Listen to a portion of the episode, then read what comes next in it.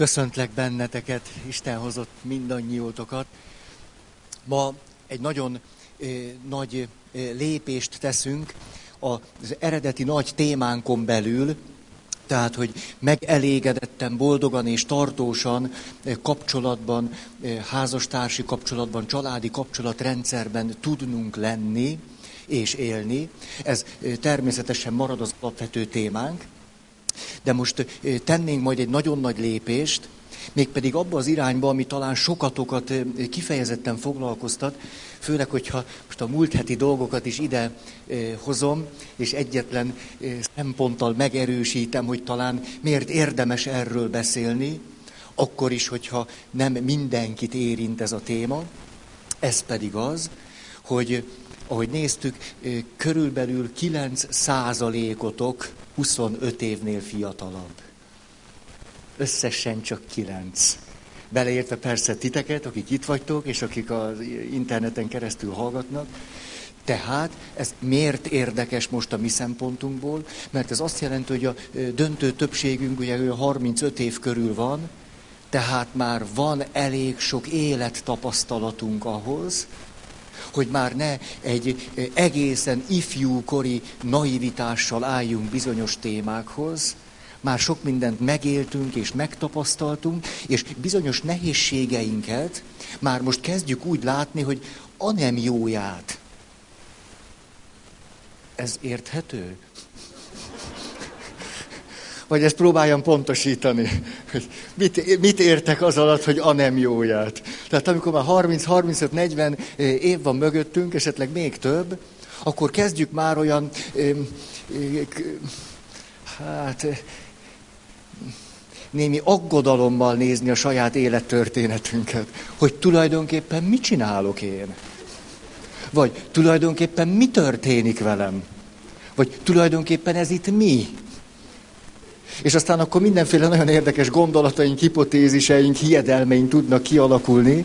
Tehát, hogy azt, amiről majd most beszélni szeretnék egy pici ismétlés után, az az, hogy rendben van, most megnéztük a pozitív megközelítést, és ezt nagyon szeretném, nagyon-nagyon szeretném mondani, nem tudom, hogy az mérülök le, ha valamit nagyon szeretnék mondani, talán azért, hogy átélem, hogy na, valahogy most ilyen közünk van egymáshoz, itt csak ücsörgünk, és valami jó dolog történik.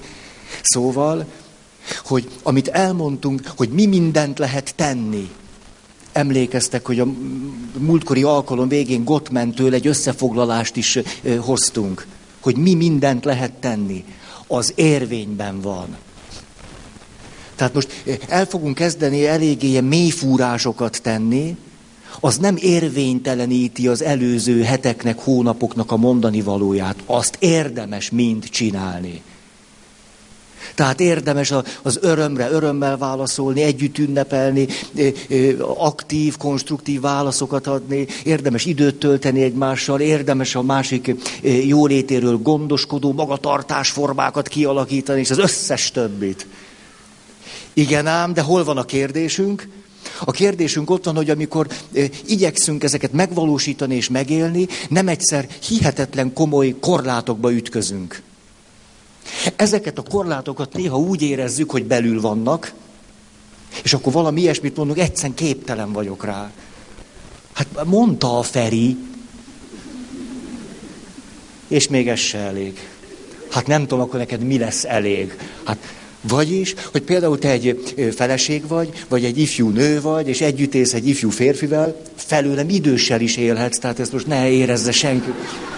Már megint ezek a korlátok, most huszan elkezdtek szorongani, hogy ez rettenetes, most ő vele mi van. Tehát mindegy, te egy fiatal nő vagy, együtt élsz egy férfivel, aki tök mindegy hány éves, hát nekem főleg. Ezt... Együtt élsz vele, és azt mondod, jó, ez az aktív, konstruktív válasz nekem bejön. Ez végül is egy jó megközelítés, ez, ez jó, ez jó. Olyan sokat nem is kell tenni. Nem? Kicsit érdeklődök, csillog a szemem egy picit. Férfiak úgyse túl jó megfigyelők, ugye gázállarcos történetet fölidézzük.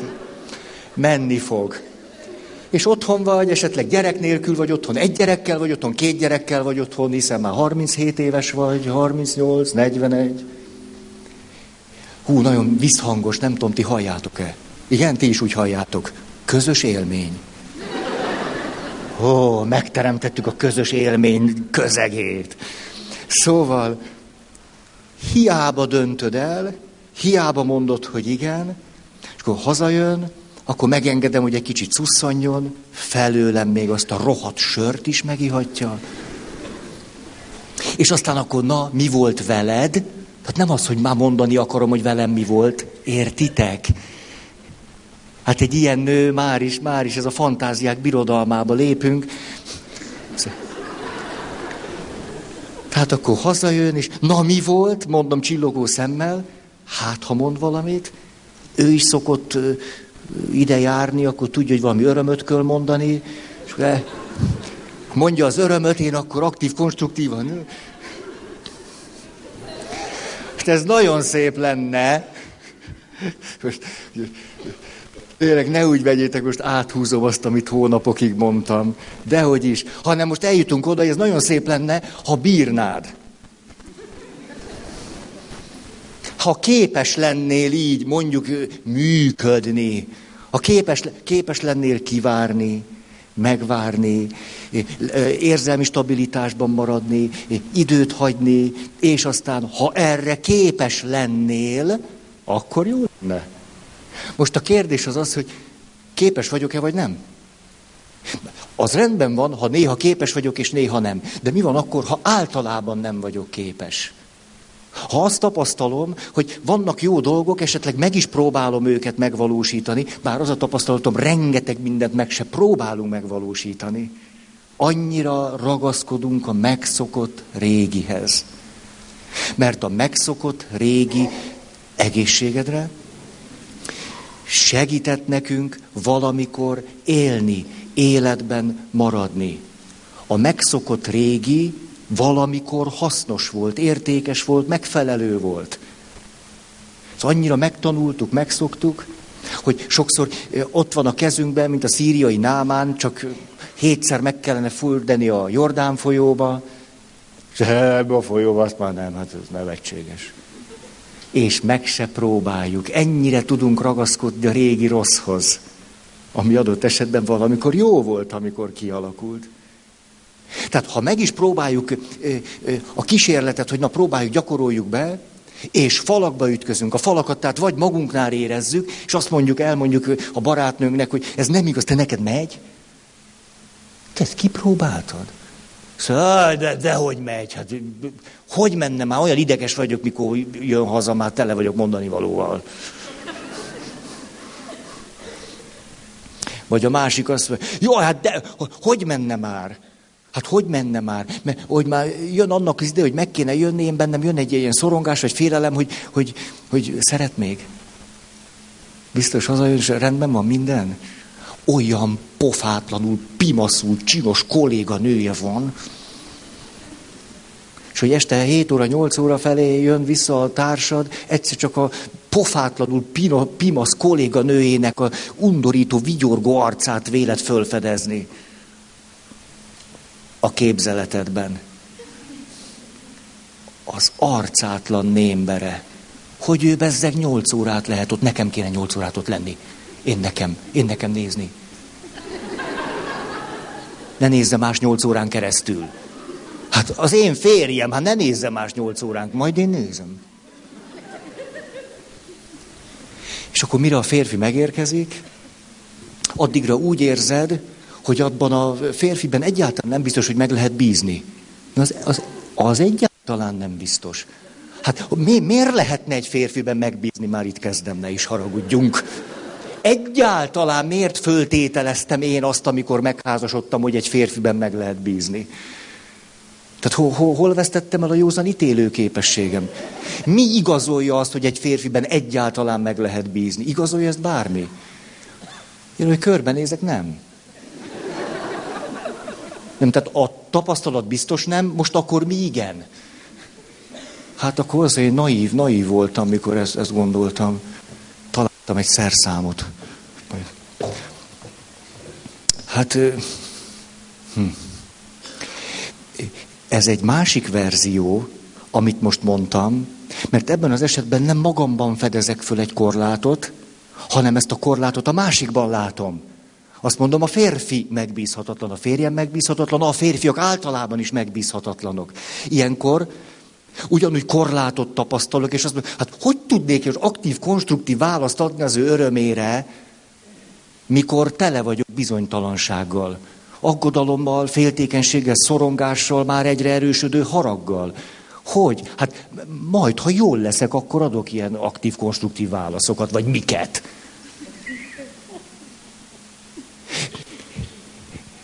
Van saját élményetek ilyesmiről? Tehát vagy magamban érzékelek valami korlátot, vagy érzékelem ezt a korlátot a másik embernél. A harmadik lehetőség az lehet, hogy eh, nem magamban, vagy nem a másikban észlelem ezt a korlátot, hanem a környezetben. Hogy ilyenkor persze jönnek a gyerekek, az összes gyerek az apjával akar lenni, na tessék, az összes gyerek, ilyen, ilyenkor megszűnök létezni. Pedig én, én egész nap gályázok otthon a gyerekekkel. Hát ki van velük? Én egész nap ott vagyok, és akkor megjön az apjuk, aki csak úgy két órára, mert ugye hát amíg a gyerekek lefekszenek, két órára úgy könnyű, úgy könnyű. Két órára jó fejkedi, gyere, megfüröztelek. Na persze, nekem ennyi lenne, én is tudnám ilyen vidáman csinálni. Nem egy nagy szám, így két órára, csak úgy. Én még játszik is velük, én is tudnék. Én is tudnék ilyen vidáman játszani, én napi hét órát játszom velük. Akkor pedig mit mondok? Nem magamban érzem a korlátot, nem is a férjemben, hanem a körülményekben. Azt mondom, hát így ezekkel a föltételekkel, így ezekkel a körülményekkel, hogy én gályázok vele, ő meg két órát örömködik. Ja, hát így, így könnyű jó szülőnek lenni. Vagyis amiről beszélni szeretnék az az, hogy amikor bár itt óriási kérdőjeleket szeretnék minduntalan tenni, hogy amikor újból és újból megpróbáljuk megtenni azt, amit érdemes és meg is lehet tenni egy tartós, megelégedett, boldog kapcsolatért, családi kapcsolatrendszerért, akadályokba ütközünk. Ezek az akadályok úgy tűnik néha ö, ö, kísérteties módon ismétlődnek és ismétlődnek és ismétlődnek. És nem értjük, hogy tulajdonképpen mi van. Tehát most arról szeretnék beszélni, amit a lélektan így nevez, hogy sématerápia. Egy viszonylag új, viszonylag friss valami, de elég komplex és elég összetett ahhoz, már egy csomó meglévő ismeretünkre bátran építhetünk. És a sématerápia azt mondja, hogy lehetséges, hogy néhány alapvető séma határozza meg az életünket, ezek a sémák, amikor kialakultak, akkor nagyjából megfelelőek voltak ahhoz a helyzethez, ahhoz a környezethez, a szüleink, a fontos személyünk, meg velünk való viszonyához, azt akkor viszonylag mi jól éreztük, érzékeltük és észleltük,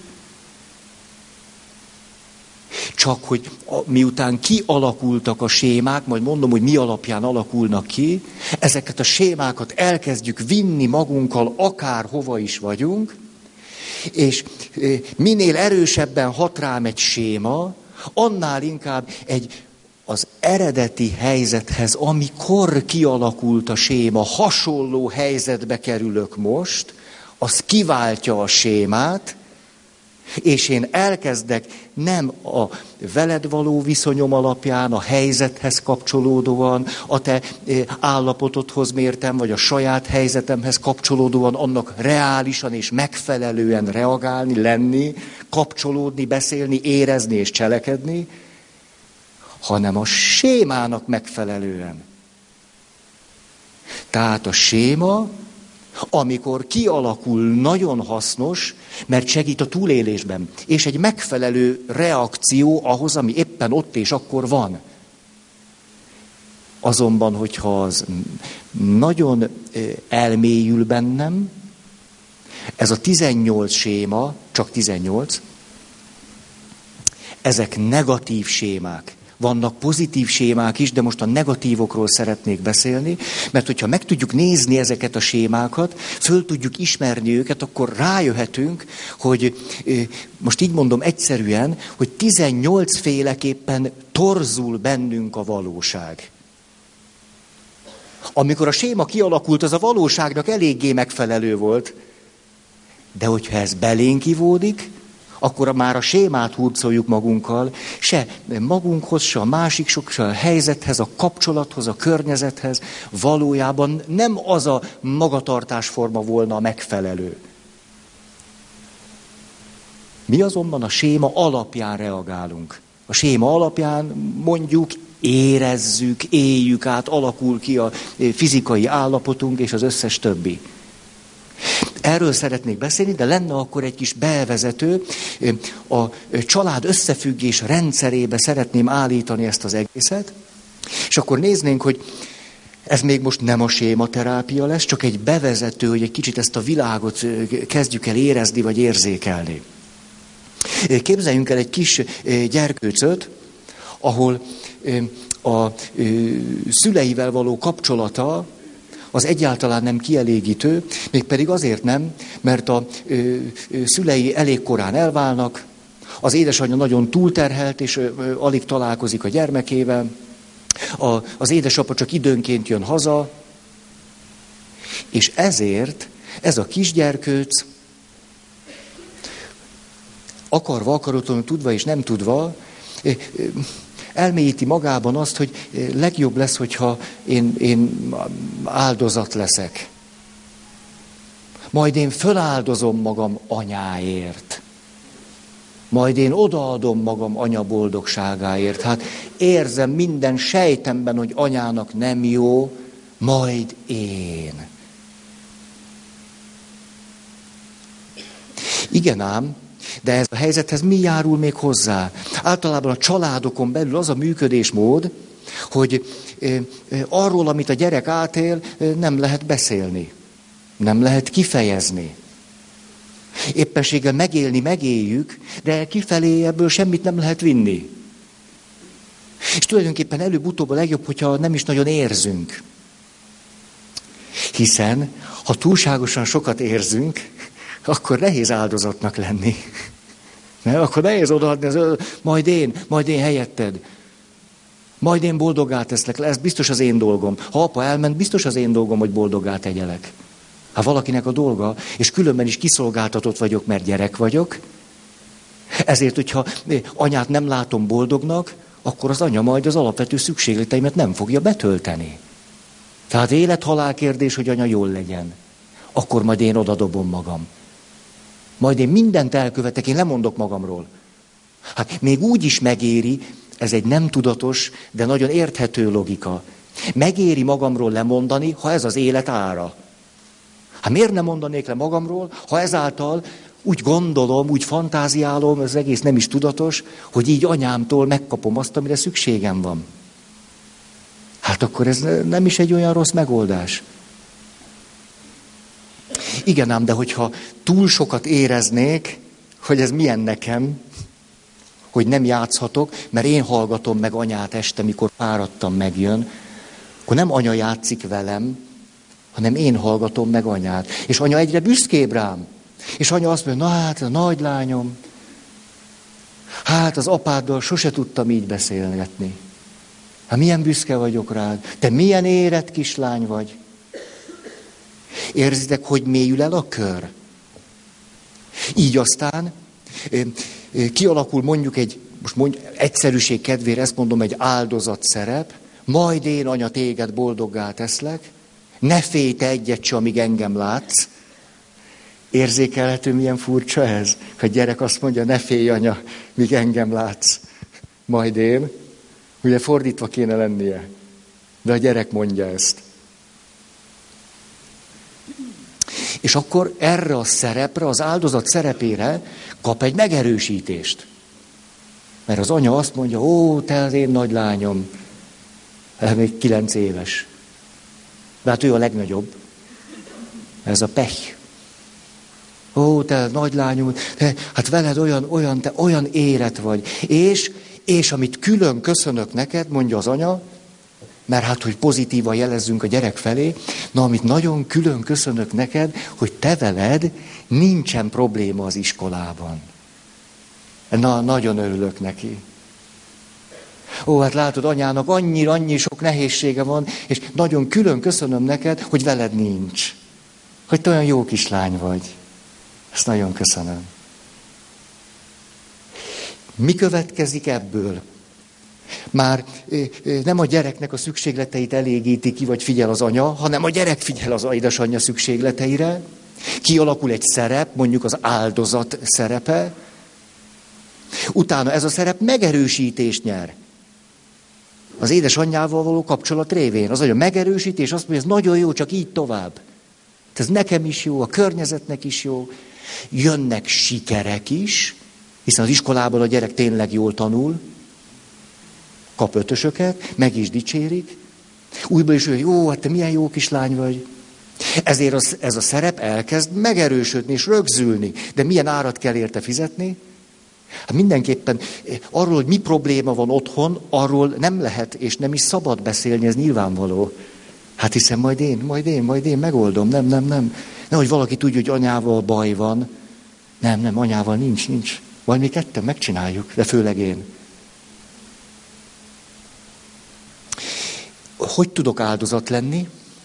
Saját érzéseimet nem jó, hogyha megélem.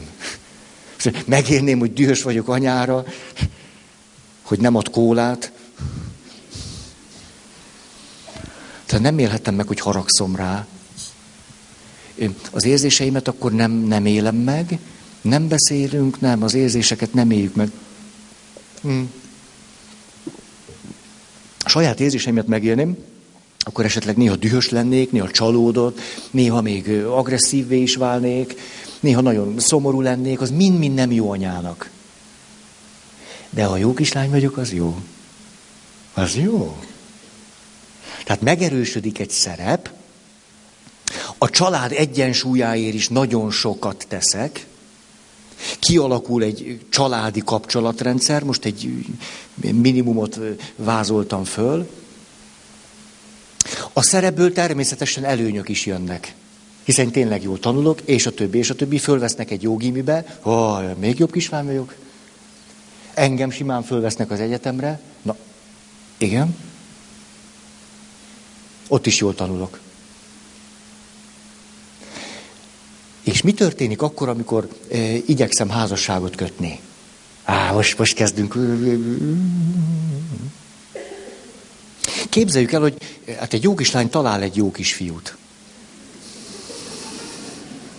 Hát miért ne találna?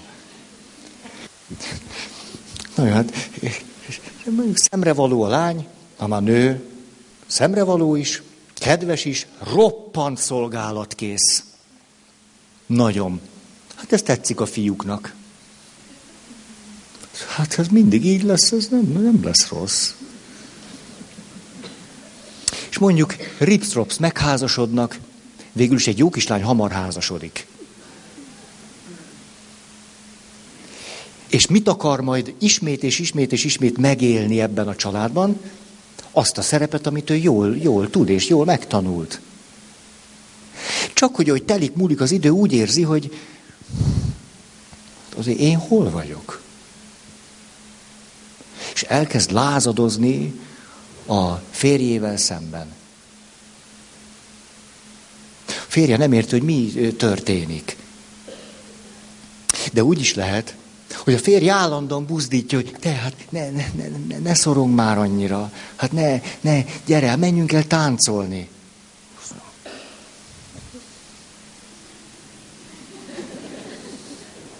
Tánc. Megvillan a bokám.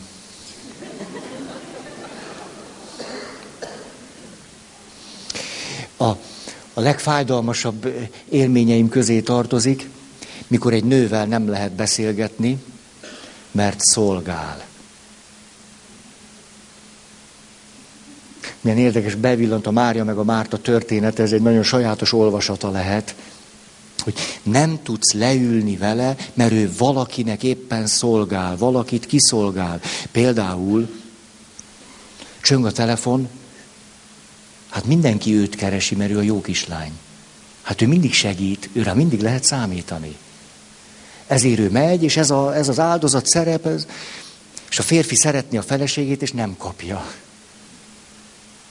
Mert ő még megold három problémát. Te ne is haragudj, hát így, így, így.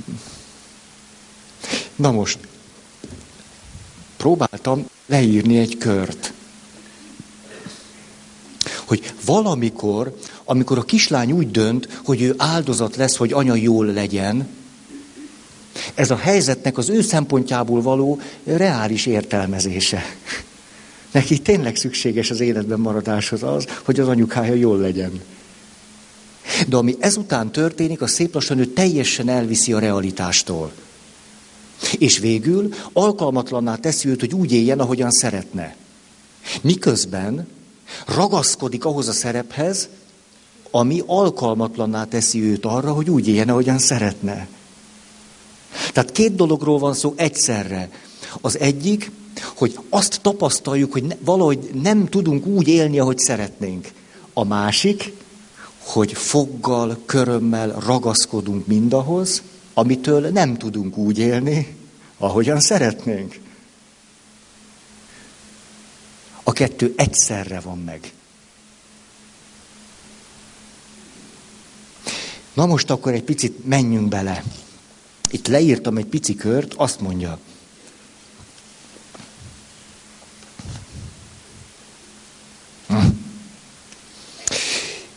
Mi is a séma? Egy picit száraz lesz. És aztán utána a történetek minden egyebeket fogok mondani.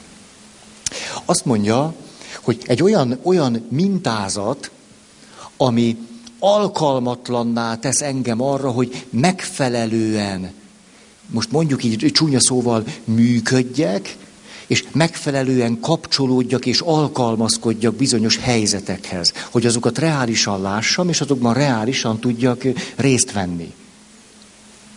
A, azért akartam a séma terápiáról beszélni, mert a séma én rám is vonatkozik, és a kapcsolataimra is. Tehát elég árnyalt és összetett valamiről van szó.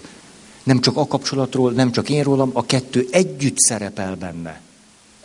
Tehát egy séma meghatározza azt, ahogyan én magamat látom és érzékelem, és azt is, hogy téged, és hogy a kapcsolatot. Sőt, hogy a világot. A séma tehát nagyon árnyalt és összetett, és benne vagyok én, te, a világ és a kapcsolat is. Na most, ezért nagyon kiterjedtnek nevezhetjük. A sémák tehát kiterjedtek. Azután önsorsrontó, érzelmi, gondolati, cselekvési mintázatot jelentenek önsors rontóvá tesznek bennünket. Amikor a sémáink alapján működünk, tönkretesszük az életünket. Miközben furcsa módon foggal körömmel ragaszkodunk a sémáinkhoz. Ez a foggal körömmel ragaszkodás annyira így van, hogy például amikor a gyógyítási folyamat zajlik, akkor a terapeuta mindig megkérdezi a következőt. Rendben van, akkor most rátaláltunk, önnek talán ez az alapvető egy-két-három fontos sémája, ami alapján éppen tönkreteszi az életét. Ezt most megtaláltuk, ez már egy nagy eredmény. Össze tudná-e gyűjteni vagy írni mindazokat az érveket, élményeket, tapasztalatokat, megfigyeléseket, gondolatokat, amik ellene mondanak ennek a sémának. Van-e bármi, ami ellent mond annak? Például, hogy nem jó áldozatnak lenni. Vagy hogy nem kell áldozatnak lenni, hogy úgy is jó az élet. Hogy úgy is kaphatunk valamit az élettől, nem kell áldozatnak lenni. Van erről élmény, tapasztalat, bármi?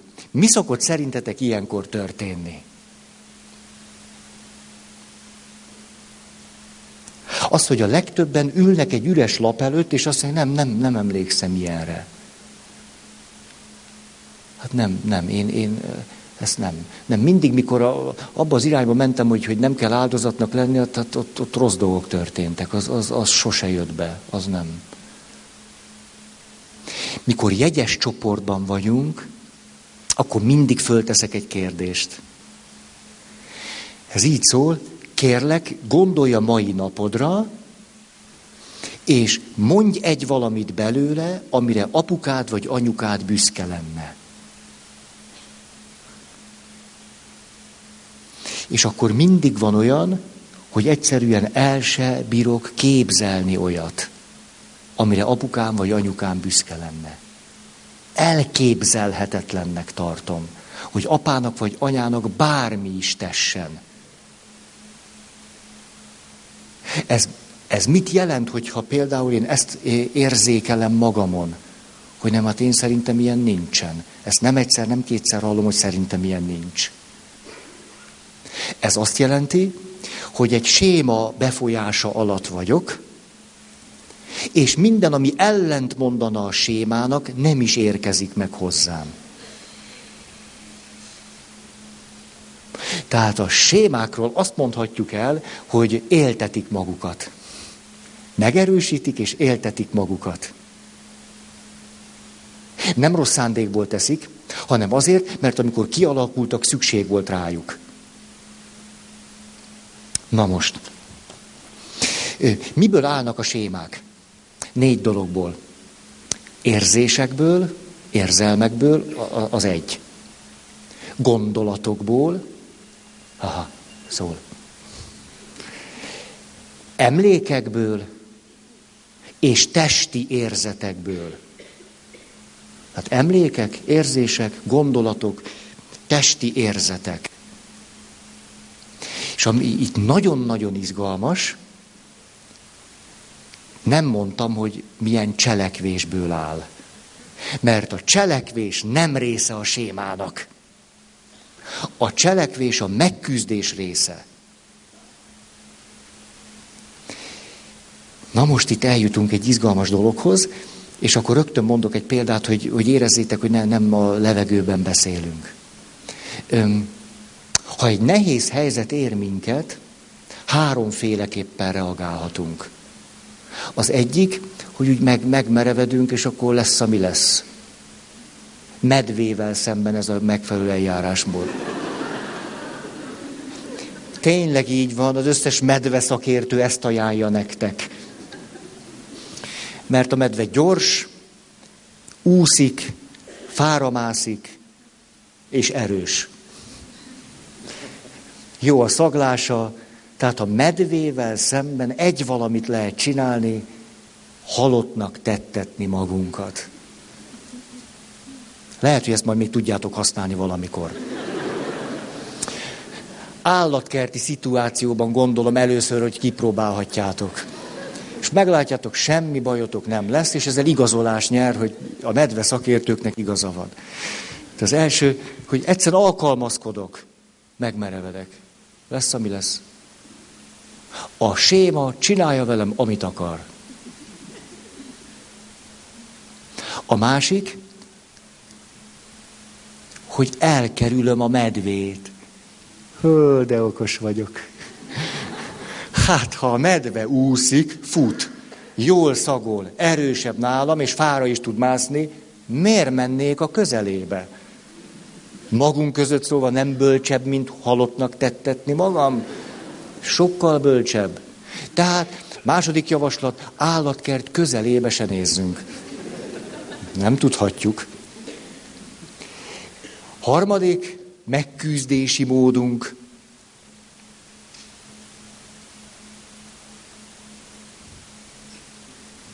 Hm.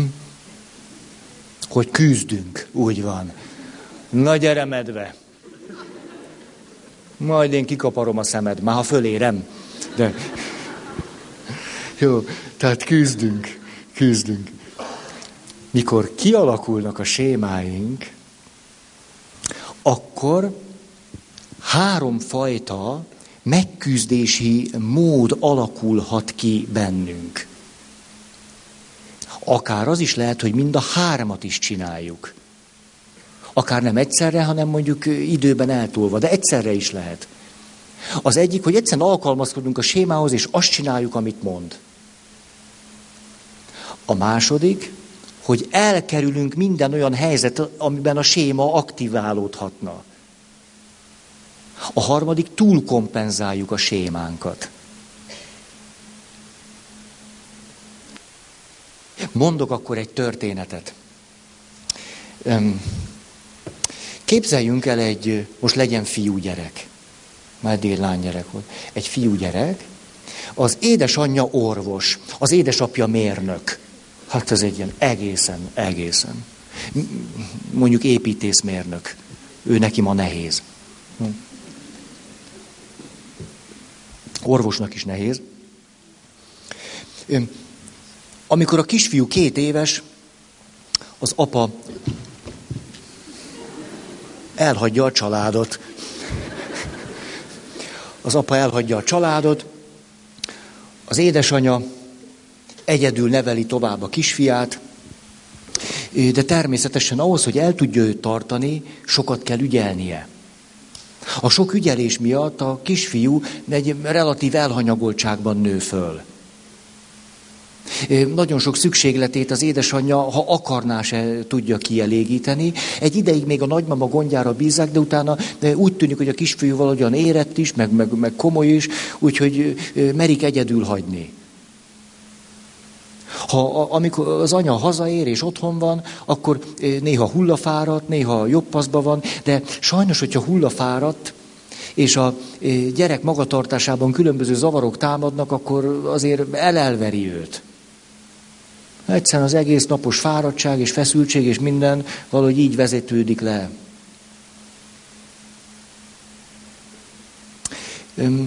Az anya olyan kvantumokban nevel.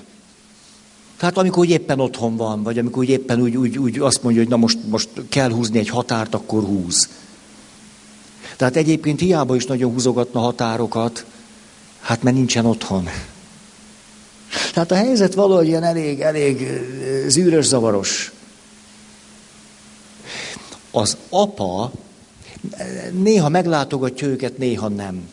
Miután egy jól menő építészmérnök lesz, ezért sokszor éveken keresztül külföldön van, akkor egyáltalán nincsen. Mikor itthon van, akkor néha találkozik a fiával, néha nem. Tehát valami ilyesmi helyzet alakul ki köztük. Most jussunk el hamar oda, hogy a fiú azon gondolkodik, hogy megházasodna. Hát először nem ezen gondolkodik, csak valami kapcsolat kéne. Nem érzi túl stabilnak magát, se érzelmileg, se úgy a világban való állása eléggé olyan, olyan, olyan instabil, olyan bizonytalan. Nincsenek hosszú kapcsolatai, serdülőkorba kezdi el a kapcsolatait, hiszen elég szabad, semmi nem akadályozza őt, hogy, hogy ezt tegye. Szerelmek, akkor gyors szexuális kapcsolatai vannak, ezt nagyon élvezi, jó fej srác, de eléggé instabil, és de tud hódítani kétségkívül. Az első kapcsolataira mi lesz a jellemző? Az első kapcsolatai, hát na, na, nagyon gyorsan vég, végük szakad. Nagyon, nagyon gyorsan. Nagyon, de nem is akar többet. Hát ő még fiatal. Ezt nagyon élvezi egyik nő a másik után, ez, ez jól is megy. Aztán, ahogy idősödik, azt mondja, hogy hát tulajdonképpen azért nem is tudom, lehet, hogy már kéne megházasodni, vagy gyerek, vagy család, vagy már 35 vagyok, 32. Megpróbál egy-két komolyabb kapcsolatot. De amikor komolyabb kapcsolatokra kerül a sor, az a magabiztossága, az az ügyessége, a rátermettsége, a hódításból fakadó erő semmivé válik. éppen nagyon bizonytalan lesz, bizonytalan a nőben, a hűségében. Ezért úgy dönt, hogy á, nem, nem való neki a kapcsolat. Eh, ez nem nekem való. Akkor egy ideig azzal kísérletezik, hogy úgy nő nélkül. Nem, a nőkkel csak baj van. Ideig nő nélkül van, utána visszatér a régi működésmódhoz, megint kalandok, kalandok, de közben egyre idősödik, hogy érzi, hogy ez valahogy nem stimmel. Na, végül megházasodik. Elveszi őt egy nő.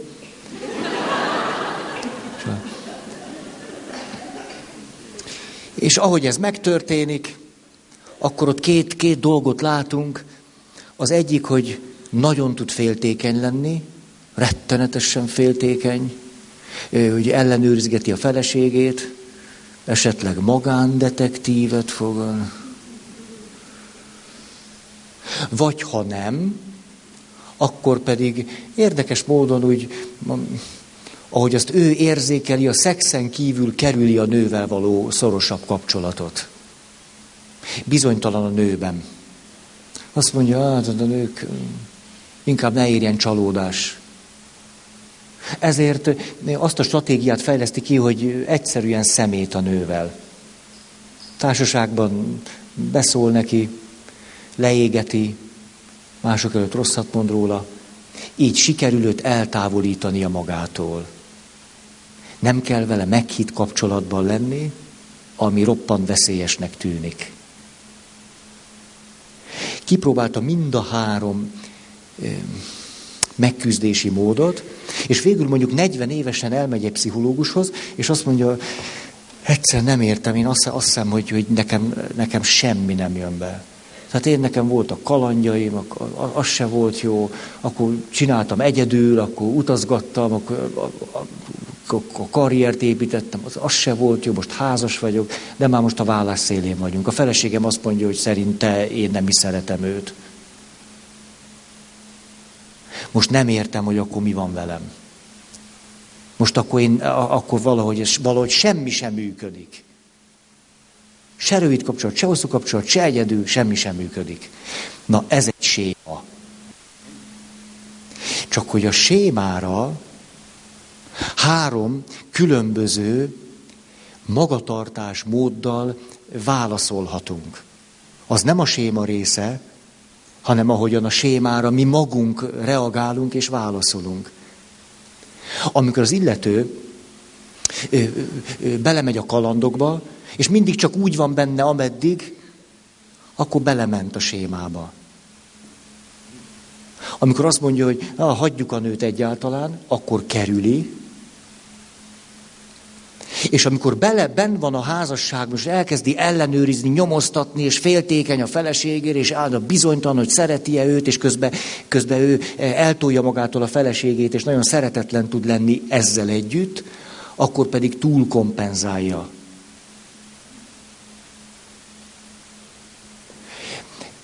Ez a modell azért nagyon, nagyon izgalmas és szép, mert nem egy kaptafára van benne vágva minden, hanem láthatjuk, hogy van egy séma, és egy sémából mindig három irányba indulhatunk, ami a cselekvésmódot illet. És lehet, hogy valakinek ugyanaz a sémája, és teljesen másképpen él. Mert vagy, hogy engedi, vagy elkerüli, vagy pedig túlkompenzálja. Na most, mikor alakul ki Szívem szerint azt mondanám, hogy magzati kortól kezdve. Akik leírják ezt a modellt, azt mondják, na, gyerekkor. Gyerekkor, serdülőkor. Szerintem úgy van az, hogy magzati kortól. Mondanék is erre egy történetet. Egy nagyon izgalmas kutatás azt próbálta földeríteni, hogy van-e kapcsolat a magzati korban átéltek között, és mondjuk a serdülőkorban föllángoló pszichózisok között. Kik lesznek serdülőkorban pszichotikus betegek? Ugye a sématerápia azt mondja, hogy mondjuk serdülőkorban alakul ki. De miért alakul ki valakiben serdülőkorban valami nagy, nagy, nagy baj? Benne miért alakul ki, és a másikban miért nem? És akkor azt nézték, hogy lehetséges az, hogy a magzati korban történt dolgoknak van hatása a serdülőkorra, és persze nem mondanám, ha nem lenne. Mert kiderült az, hogy azok a fiatal serdülők veszélyeztetettek serdülőkorban sokkal inkább arra, hogy pszichotikus betegek legyenek, mint mások, akiknek az édesanyja, amikor őket várta, valamelyik szüleit elveszítette. Tehát vagy az apu, vagy az anyu meghalt, amikor éppen a kisfiát vagy a kislányát várta. El is mondom az összefüggést a kutatás alapján. Hihetetlen szép, hogy milyen ezer szállal kötődünk és kapcsolódunk egymáshoz. Ha amikor pici magzatok vagyunk, és hogy naívul azt gondoljuk, hogy jó, hát az semmi, még csak ott az ott már a személyiség fejlődés. Már ott alakul, formálódik minden. És a magzat hogyan szerez tudomást magáról? Furcsák ezek a kifejezések, de hogyan tud egy magzat magáról, hogy én vagyok? Hogy én egyáltalán vagyok. Ez hogy, hogy kezd benne egyáltalán valamiképpen, még nem annyira gondolati szinten, nyilván a szavak kellenek, hanem alapvető fizikai szinten tudatosulni, hogy én vagyok, és hogy anya van. És hogy én és anya nem vagyunk teljesen egyek. Hogy én én vagyok, és anya anya, és szóval, hogy egyek is vagyunk, de hogy van, van. De igaz, hogy ben vagyok az anyában, de hogy én valami, valami külön is vagyok. És akkor van olyan, hogy én meg anya. Hogyan kezd ez kialakulni?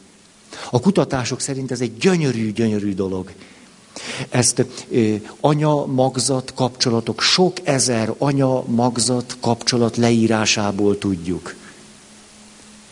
Hogy az anya tőle külön állóként tekint a magzatára. Például megszólítja. Elkezd őt becézni, nevet ad neki, beszél hozzá.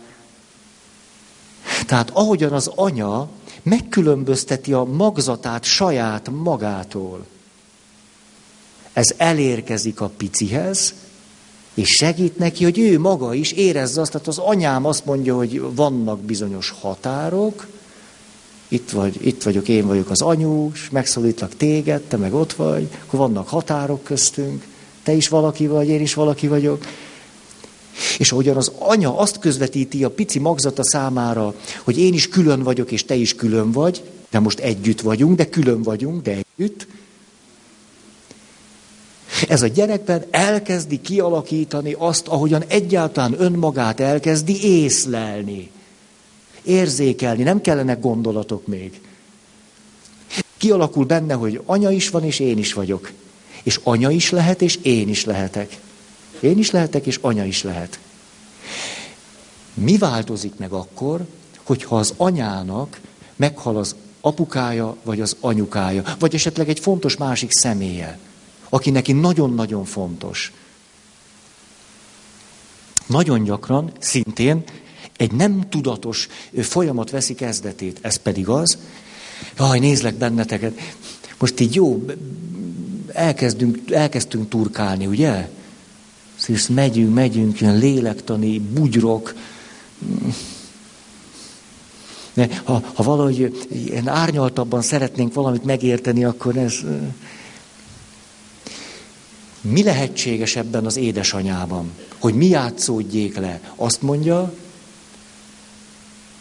hát most vesztettem el az anyám, téged nem akarlak. Téged, téged nem veszíthetlek el. Nem, hát én nekem egy haláleset elég. Nem, de jó, hogy te vagy. Legalább te vagy nekem. Jaj, de jó. És az anya természetesen egyáltalán nem tudatosan, főleg nem rossz szándékból, gyász helyett. Elkezdi a saját picinyét, a saját testének a részeként fölfogni, érzékelni, észlelni, elgondolni, elképzelni. Mert amíg én vagyok, picinyem, te is vagy. Amíg én élek, neked nem lehet bajod. És ezért a pici magzat nem kapja meg a megfelelő, nagyon finom információkat arról, hogy anya is külön van, és te is vagy és hogy határok vannak.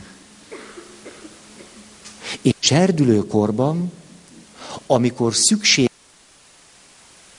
a pici fiú vagy a pici kislány, aki már nem pici, 15-16-17 éves, végső nagy lépését tegye a szüleitől való leválásnak, hát a végső nagy lépés, inkább az első nagy lépés, vagy nem is első, mindegy, hagyjuk ezt. Tehát, hogy egy életkorának megfelelő nagy lépést tegyen, halálfélelemmel jár. Hát hiszen anya és én egy vagyunk. Azt nem lehet. Mert ez a fiú, vagy ez a lány 15-16 évesen nem különbözteti meg magát az anyjától. Hiába él külön testben. Ezért leválni az anyámról, az halálos. Nem engedhető meg. És ez egy döbbenetes belső zűrzavart eredményez. Egy pszichiáter ezt így nevezte adatsaláta születik.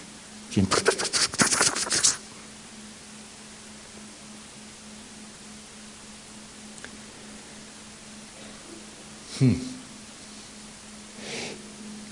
Tehát, hogy mondjuk egy séma mikortól kezd tudni kialakulni, én ezért mondom azt, hogy magzati kortól kezdve. Sőt, most már a kutatásokból azt is jól tudjuk, hogy a magzatra egyáltalán nem csak az édesanyja van hatással, hanem az apukája is, sőt a nagyszülei is, fontos más személyek. Hogy valamiképpen kapcsolódik egy pici magzat is, már az egész családi kapcsolat rendszerhez is. És erre most már egyre több nagyon jó kutatás van és adat. Hm. Ezért a sémák nem egyszer magzati kisgyerek serdülőkorban alakulnak ki, de legalábbis akkor, eh, akkor látványosan vissza tudjuk vezetni őket. Na most, a sémák egész életünkön keresztül finomodnak. Finomodnak és igyekeznek önmagukat föntartani. A kutatók azt mondják, hogy, hogy mi miért történt a családban, azt nagyon gyakran nem tudjuk, vagy ha gondolunk is róla valamit, nem azért volt. De ha azt kérem tőletek, hogy csukjátok be a szemeteket, nem kell csinálni, csak úgy mondom, és idézzétek föl gyerekkorotokból a családotok hangulatát. Valaki azt mondta, hogy Jézus. Ó, akkor neked volt kapaszkodód, ez jó hír. Ilyen, örülök ennek, ez jó. Becsukom a szemem, és elképzelem a család hangulatát. És ahogy elképzelem a család hangulatát, akkor megkérdezhetem magamtól is, hogy, hogy hogy érzékelem, hogy a szüleim hogyan viszonyulnak hozzám. Nem az, hogy hogy gondolom, hagyd a gondolatot, hogy hogy, hogy érzékelem én ezt. Hát milyen a család hangulata, és a szüleim hogyan viszonyulnak hozzám. És a kutatók azt mondják, nyilván ez kell azért idő, otthoni gyakorlat, hogy ahogyan érezzük, érzékeljük a család hangulatát, az meglepően pontos. És ahogyan érzékeljük, hogy a gyerekkorban a szüleink hogyan viszonyulnak hozzánk, az is meglepően pontos. Ami nagyon pontatlan tud lenni, a gondolataink, amiket hozzá kötünk, hogy miért, miért van ez így hogy anya miért így, és apa miért így, és hogy a hangulat miért volt úgy, és az nagyon pontatlan is tud lenni. De mi meglepően jól érzékeljük ezt a hangulatot. És elég jól érzékeljük, hogy hogyan kapcsolódnak hozzánk a szüleink. A hipotéziseink, hogy miért, az gyakran nagyon téves. Na most, mikor aktiválódnak a sémák? Hát nagyon egyszerű, mikor a gyerekkori, serdülőkori, szerintem már magzati alapélmény, amikor a séma kialakult, földereng egy jelenkori helyzetben. Minél súlyosabb a sérülésünk, annál kevesebb is elég, hogy a séma aktívvá váljon. Tehát például bennem van egy elhagyatottság, bizonytalanság séma, bizonytalan vagyok, elhagyatottnak élem meg magam. Egy, nagy, egy pillantás is elég, ha nagyon sérült vagyok, hogy a séma aktívvá váljon.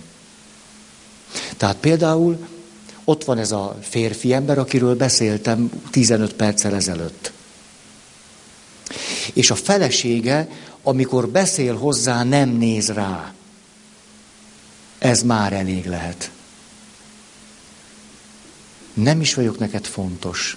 Egyáltalán nem, egyáltalán nem érzem, hogy, bizalom, hogy biztonságban lennék melletted. Ezért inkább, inkább szemétkedek veled.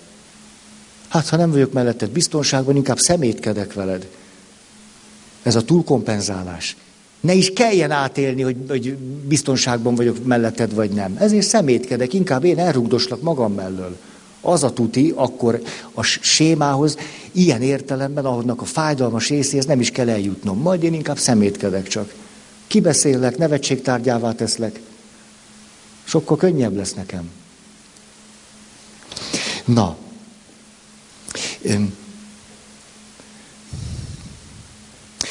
ha egy séma aktívá válik, elárasztanak bennünket a negatív érzések. Negatív érzések, érzelmek, ahhoz kapcsolódhatnak gondolatok, fizikai állapotok és emlékek. Hmm.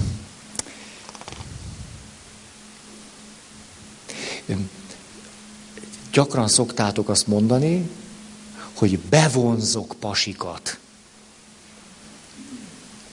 A, a férfiak bevonzok nőket, bevonzok helyzeteket. Valójában ez azt jelenti, hogy a séma igyekszik magát érvényre juttatni, és e, igyekszik bennünk, hogy érvényre jut, megismételni azokat a helyzeteket, amelyek számunkra nagyon ismerősek, amiben egyébként elég jól tájékozódunk. Miközben tönkre tesznek bennünket. Na most, a sémák akadályozzák, sokszor ellehetetlenítik azt, hogy pontosan észleljük egymást. A másik magatartását megfelelően értelmezzük, a helyzetet világosan lássuk, teljesen ellehetetleníthetnek. Oké. Okay.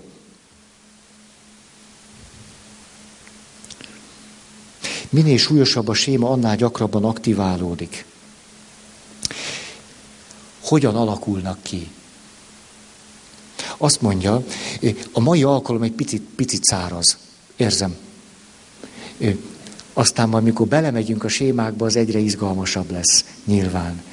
Azt mondja, a sémák betöltetlen érzelmi szükségletek okán alakulnak ki.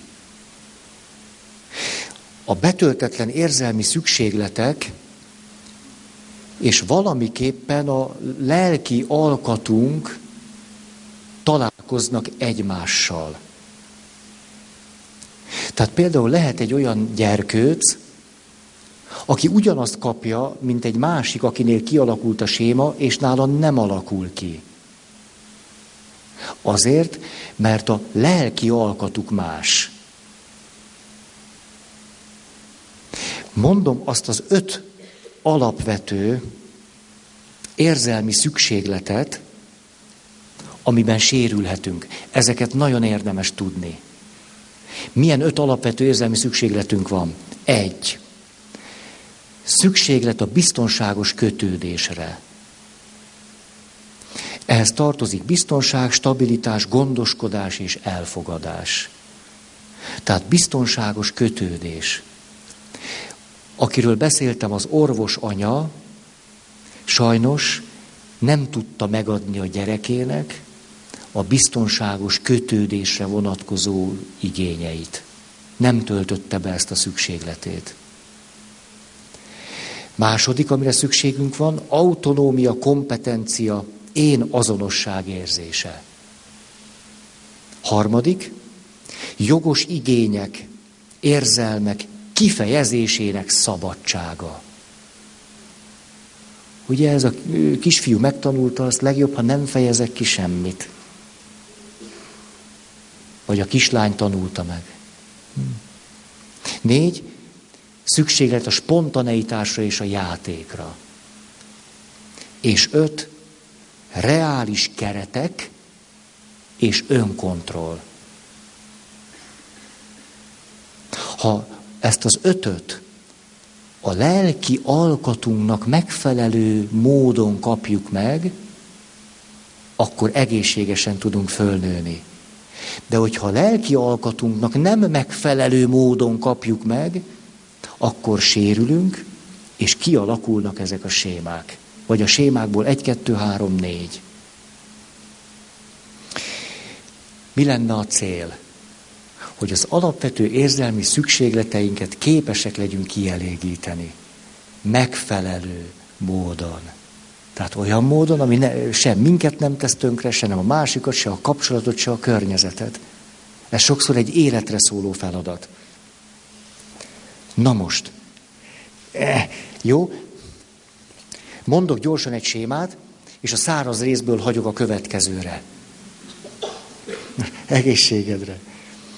Azt mondja, hogy öt nagy csoportja van a sémáknak. Ú, hát ez, ez, ez még nem, nem túl ér, szép. Elszakítottság, elutasítottság. Ez az egyik nagy csoport. Ez a legsúlyosabb. Elszakítottság, elutasítottság. És az első tottság és elhagyatottság, instabilitás. Elhagyatottság, instabilitás. Az előző történet az orvos anyukáról és az építész apukáról egy ilyen családnak a történetét írta le. Mi az alapvető élménye ebben a sémában élő felnőttnek? Nem gyereknek, a gyereknek is, mert gyere, de felnőttként. Az egyik, hogy sajnos az élet olyan, hogy akik igazán szeretnek, vagy szerethetnének engem, azokhoz nem lehet biztonságosan tartozni. Egyrészt, mert megbízhatatlanok. Úgy itt már most elindul egy ilyen önismereti vizsgálat. Mit gondolsz te arról, hogy a téged szerető személyek mennyire elviselhető vagy elviselhetetlen módon megbízhatatlanok? Ha valaki egészséges, akkor azt mondja, az engem szerető személyek elviselhető módon megbízhatatlanok. Mert hiszen minden ember megbízhatatlan. Tökéletesnek kéne lennünk ahhoz, hogy mindig, minden helyzetben megbízhatónak bizonyuljunk. Nem vagyunk tökéletesek. Tehát többé-kevésbé megbízhatatlan minden ember. Mert mondom, hogy csinálom, aztán elfelejtem. Hát akkor az megbízhatatlanság. Ha valaki ebben a sémában van, akkor a másik ember természetes, emberi gyarlóságából adódó megbízhatatlanságot rettenetesen fenyegetőnek éli meg. Fenyegetőnek, ijesztőnek. Mindig egy újabb érv amellett, hogy az emberekben nem lehet megbízni. Ez adott esetben a párválasztását is ellehetetleníti. Hiszen az első néhány élménynél amikor a másik nem mutatkozik megbízhatónak, már is odébb áll, azt mondja, hát így nem. Hát biztos kell lennie valakinek, aki megbízható. Hát ha ő nem, akkor, akkor nem, nem, akkor nem ő az igazi. Az igazinak megbízhatónak kell lenni. Tehát az első, hogy azok, akiktől szeretetet remél, vagy úgy gondolja, hogy szerethetnék őt, azokkal kapcsolatban az a félelme, hogy sajnos az a baj velük, hogy nem megbízhatók. A második, nem az a baj velük, hogy nem megbízható, hanem hogy meghalnak. Nem nehéz ide képzelni egy gyerekkori életeseményt. Valaki, aki szeret és gondoskodik, hirtelen meghal. És főleg, hogyha az ő szerepét nem tudja átvenni senki, és attól kezdve nem gondoskodnak rólam. Akkor megtanultam, hogy azok, akik akiktől szeretetet lehet kapni, bármikor meghalhatnak. És mondjuk valamelyik őtök, aki azt mondja, ilyennel is nem egyszer találkoztam, hogy e, minden jól ment, és amikor megházasodtam, attól kezdve elkezdett erőt venni rajtam egy félelem, hogy meghalhatsz. És ezt nem tudom kiűzni a fejemből. Ez nyugtalanít.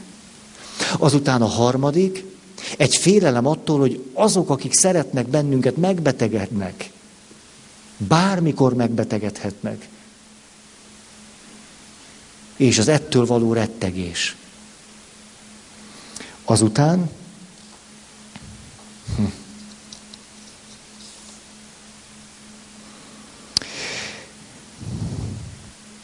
Hm. Hol volt ez? Rettenetes. Na igen. Hogy azok, akik szeretnek engem, vagy szerethetnének engem, csak időnként elérhetők. Néha elérhetők, néha nem. Néha vannak, néha nem. Néha szeretnek, néha nem. Ezek az én félelmeim, az én észlelésem másokkal kapcsolatban. De a félelmek hihetetlenül fokozottak és túlzóak. Na most, ebből fakad az, hogy az előbb említett három magatartás forma tud kialakulni. Az egyik hát, hogyha akik szeretnek, azok megbetegszenek, meghalnak, megbízhatatlanok, és csak időnként elérhetők, hát akkor érdemes csak kalandról kalandra élni. Az akkor pont megfelel a sémának. Ugye, akkor csak ameddig három-négy napig együtt vagyunk, egy kaland csak nem hal meg. Kevéssé kínzó a félelem. Így pár napra egész, egész biztonságban leszek. Hát csak az alatt nem betegszik meg. Minél tovább maradok valakivel, annál nagyobb a félelem, hogy baj lesz. Ezért érdemes rövid ideig valakivel maradni. Ez a sémának a logikája. Maradj rövid ideig valakivel, mert akkor nem esik bajod. Addig kaphatsz jót, de minél tovább ideig maradsz, annál rosszabb lesz neked. De ugyanez a séma kiválthat egy másik magatartásmódot is. Azt mondom, hát mindig, mikor elkezdtem kötődni valakihez, erőt vett rajtam egy csomó félelem, hogy majd nem fog szeretni, én inkább pap leszek.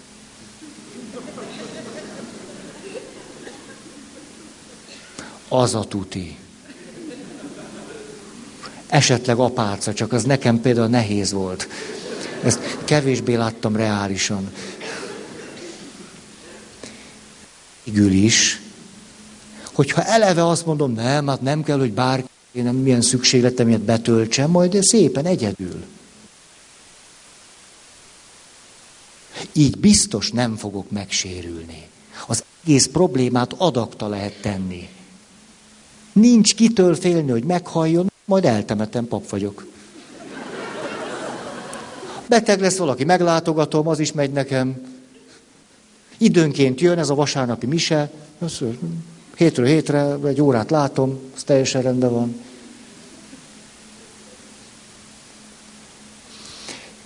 Ezért inkább elkerülök minden olyan helyzetet, ahol a séma aktívvá válhatna.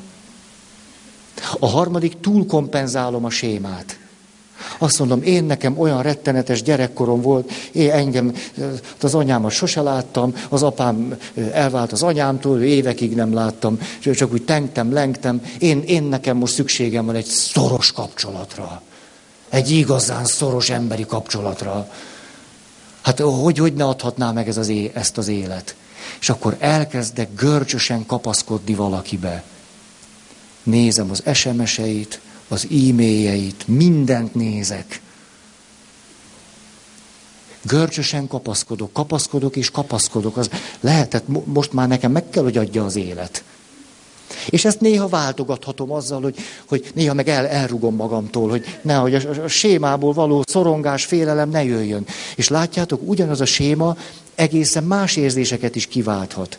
Van, aki a séma hatására szorong, hogy el fogja hagyni őt az, akit, aki őt szerethetné. A másik inkább dühötten ráveti magát, hogy ellenőrizze és kontrollálja. A séma a háttérben azonban ugyanaz.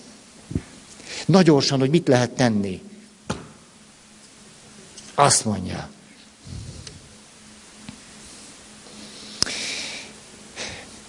Meg lehet szakítani a lehetetlen gondolatok körét. Ez egy nagyon nagy lehetőség. Mikor elkezdem bepörgetni magamat, hogy de hát, de hát trüsszent, meg köhög, hát reggel, mikor elment, köhögött. Azt lehet, hú, hát egy, egy, egy tüdőrák is kezdődhet egy kis köhögéssel. Tehát elkezdhetem tudatosítani, amikor a sémának megfelelő gondolkodásmód elkezdi a maga útját járni bennem.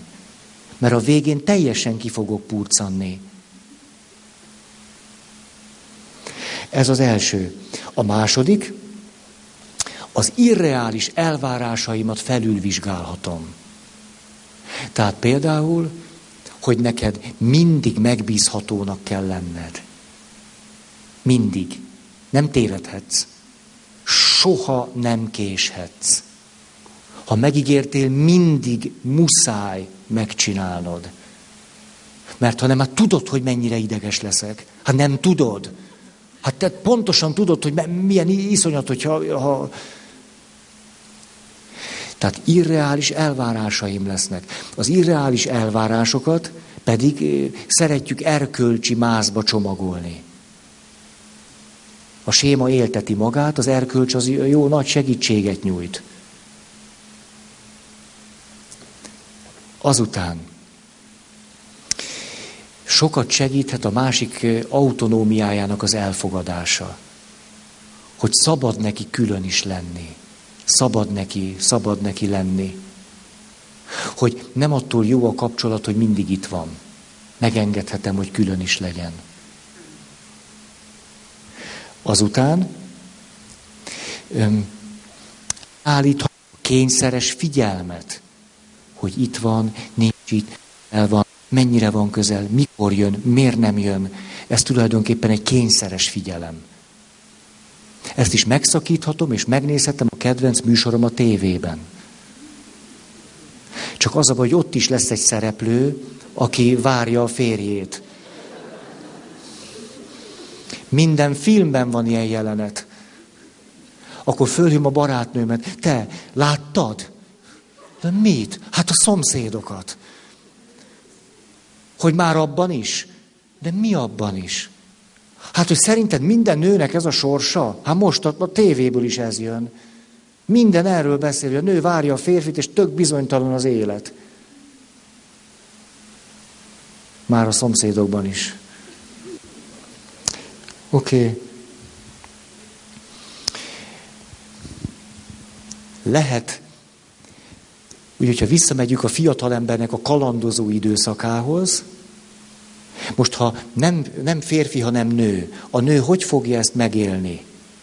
Lehet, hogy nem úgy, hogy kalandról kalandra megy, hanem hogy pont olyan partnereket választ, akik nem akarnak elköteleződni. Hát akkor az a jön a medve, és én megmerevedek. A séma működik,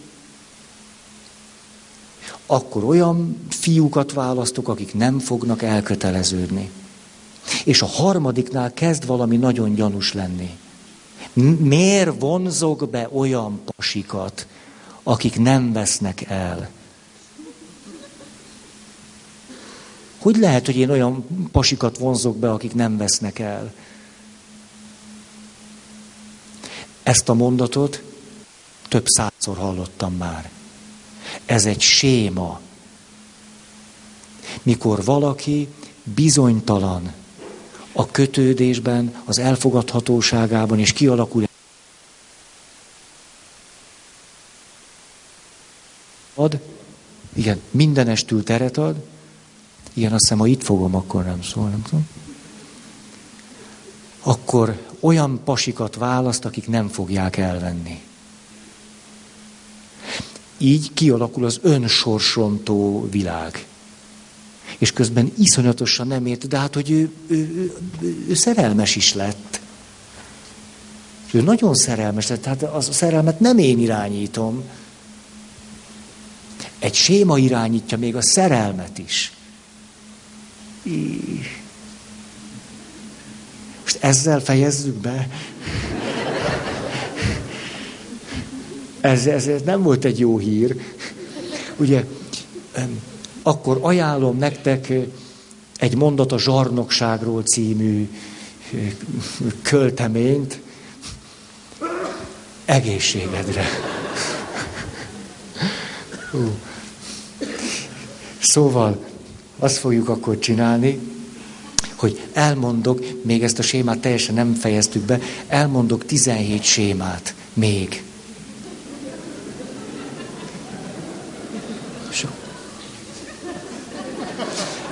Azért, hogy legyen egy közös tér, amiben mindenki rosszul van. Mert a kutatásokból az derült ki, hogy egészségesek vagyunk, pozitív önértékeléssel, jó megküzdési stratégiákkal, ez tarthatatlan. Nem, legyünk olyanok, mint a többiek.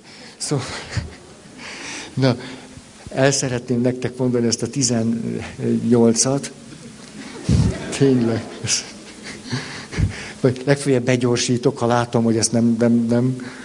Mert mert különben leéljük úgy az életünket, hogy nem értjük, hogy mi a fene történt velünk. Ez nekem annyira fáj, tehát találkozom emberekkel, és, és látszik, hogy egyszerűen nem értik, hogy mi ez az egész, amit életnek hívnak.